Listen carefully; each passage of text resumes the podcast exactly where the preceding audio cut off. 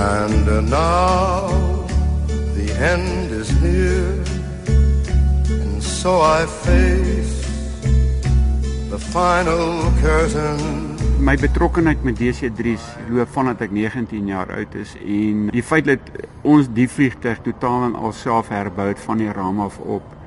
Uh die vliegtuig het 'n deel van my DNA geword en dit is nie so maklik om van dit ontslae te raak nie. So dit is baie emosioneel vir my, is baie moeilik om afstand te doen van die vliegtuig, maar ek dink die groot emosie in werklikheid sal eers inslag vind wanneer ek terugkom van Europa af na die afleweringsvlug en ek stap in die loods en in die vliegtuig is nie daar nie.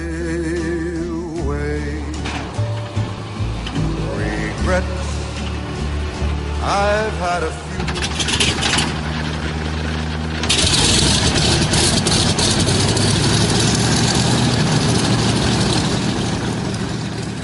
'n Duitse vliegtuigversamelaar, Pieter Adriaan, het na 'n lang soektog vir die beste Dakota op kaptein Vermeulen se trots afgekom, registrasie ZSNTE. Adriaan het 'n aanbod gemaak en nou sy op pad na Duitsland. Daar's basies twee redes. Die een rede is ek begin ouer raak. Ek besef ek sal moet begin afskaal.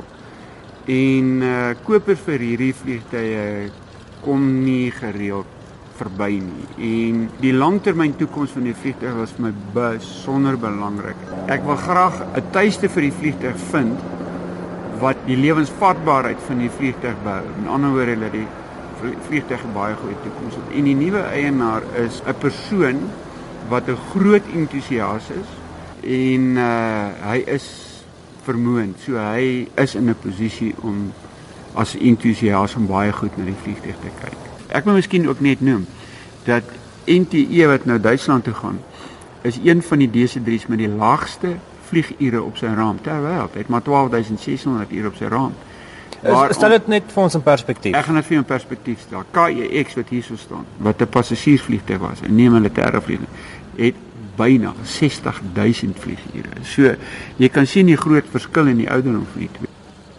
Een van die werktuigkundiges wat saamvlieg om seker te maak alles loop seepglad, Brian Kleck, was besig om onderdele en honderde liters enjinolie reg te pak vir die lang vlug. Dit is gewoonlik 'n ondervinding wat ons nou saamvat. Uh twee silinders, een voor een agter, magneto, fuel pump, starter motor om die engines te start, hidroliese pomp vir vir die onderstel. En dis meestal net ondervinding wat ons nou sulke goed saamvat. Ek staan nou en dink, julle gaan 'n reistyd van 12 dae hê en hier's net wat 5 6 bokse. Dit is genoeg. Dit is genoeg. Twee gesoute vlieëniers gaan NTE na Duitsland vlieg.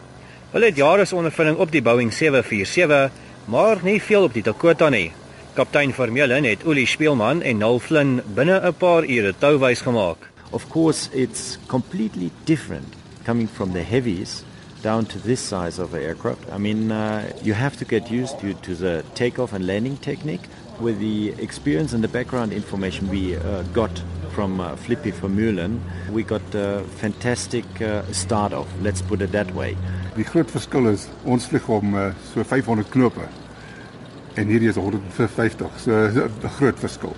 Maar ehm um, nee, dis dis baie anders. Vir my al wat uh, groot die grootste uh, verskil was die gebruik van rigtingsroer.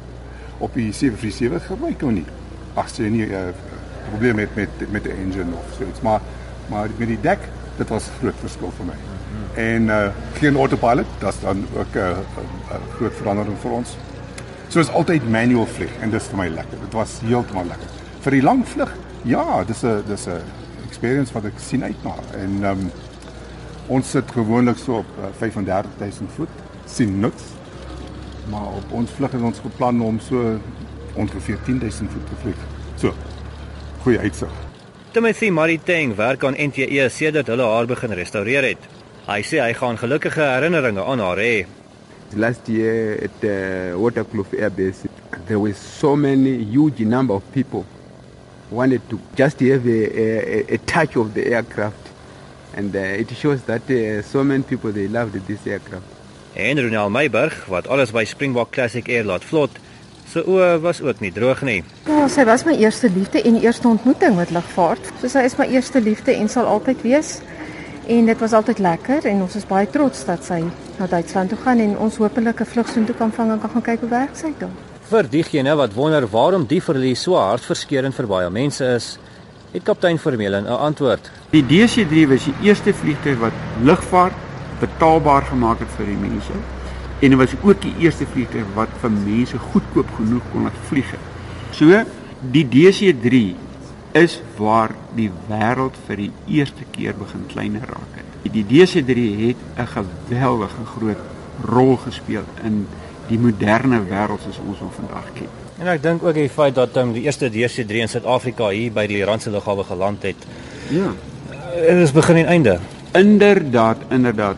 Wat is jou planne nou vorentoe want net hier agter jou staan nog 'n DC3. Ek dink die registrasie is KEX. Gaan jy haar herbou? Wel, ek dink so.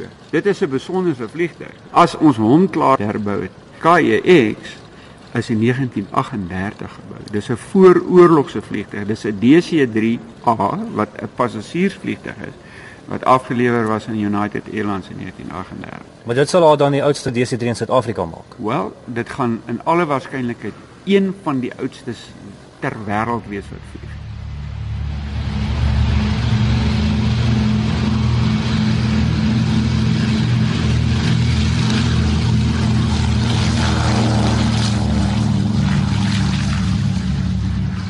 Ek is Justin Kennerly by die Randse lughawe in Germiston.